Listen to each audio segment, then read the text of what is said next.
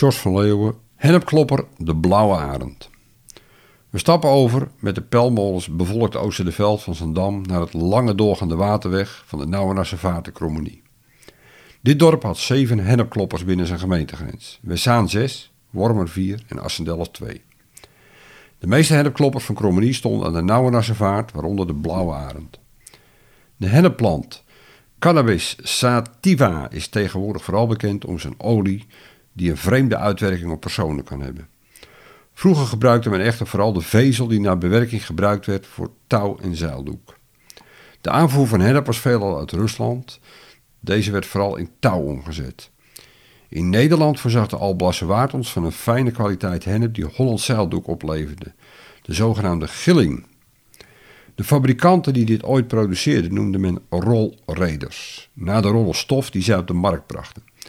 Families als Kaars Sijpenstein, Plantijd, Van Leiden en Co., Bloemendaal en Van Eden waren betrokken bij deze rolrederij door het uitgeven van parten, aandelen die de financiering afdekten.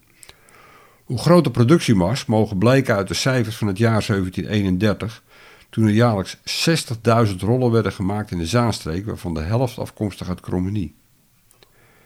Na het maaien werd de hennep gerood, dat wil zeggen plat op de grond gelegd, waarna door toetreding van vocht of dauw een schimmel de vezel losser maakte. Daarna werd de hennep opgetast op schoven om te drogen en vervolgens getransporteerd naar de Zaanstreek in balen van 260 kilo. Op een bank met staande ijzeren pennen volgde het hekelen, een handmatige behandeling om de stengels te ontdoen van stof, klei of onkruid. Daarna nam de windmolen het zware werk over. In de enquête van de Staatscommissie van 1890 beschrijft de 32-jarige Cornelis Wout zijn werk op de Blauwe Arend als volgt. De voorzitter, waaruit bestaat uw werk? Nou, mijn werk is dood eenvoudig. Er zijn in de molen tien stampers die gaan op en neer en vallen in kommen gevuld met hennep. Als we denken dat de hennep zacht genoeg is, dan halen wij de stampers op en doen de hennep weg. Is hij niet zacht genoeg, dan moeten we de stampers nog wat laten werken. In de molen was een horizontale, dikke eiken wentelas, voorzien met nokken die de stampers in beweging zetten. Het neervallen van de platte stampers in het uitgeholde eiken blok veroorzaakte nogal wat lawaai en stof. Daarom hadden de molens ook wel de naam van beukmolen of stofmolen. Het stamperblok lag op stellinghoogte, alwaar grote luiken afzijdig van de wind geopend werden om de stofoverlast voor de molenaars in te perken. Na de molen volgde de tocht naar het ziethuis. Hier kookte men de gebeukte hennepvezel met potas, kaliumcarbonaat, om er een mooi wit zeildoek te verkrijgen. Potas kwam veelal uit het OC-gebied, alwaar men berkenbomen verbrandde en de as vervolgens in aardewerken potten verhandelde, vandaar de naam. Het nog natte garen werd gesponnen met een groot drijfwiel en dan in de buitenlucht gedroogd op een groot gasveld met garenstokken. De opstal heette een garenwerf.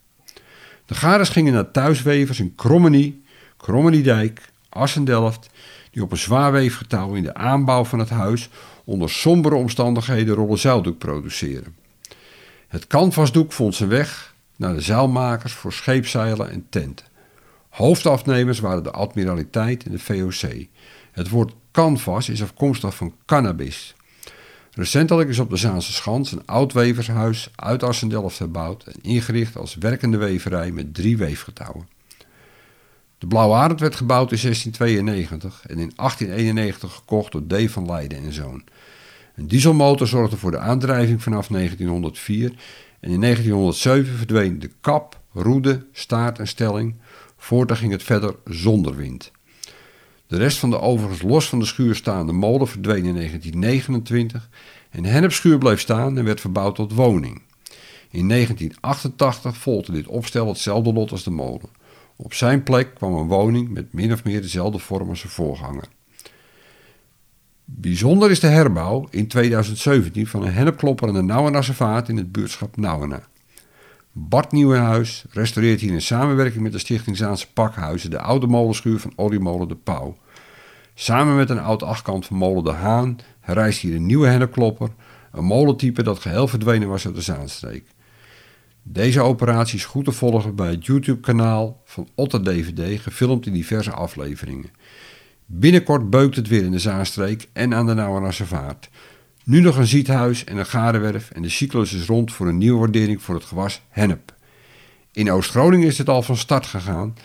Daar zijn een aantal boeren weer begonnen met het verbouwen van hennep als gewas voor kleding en er wordt onder andere ondergoed van gemaakt.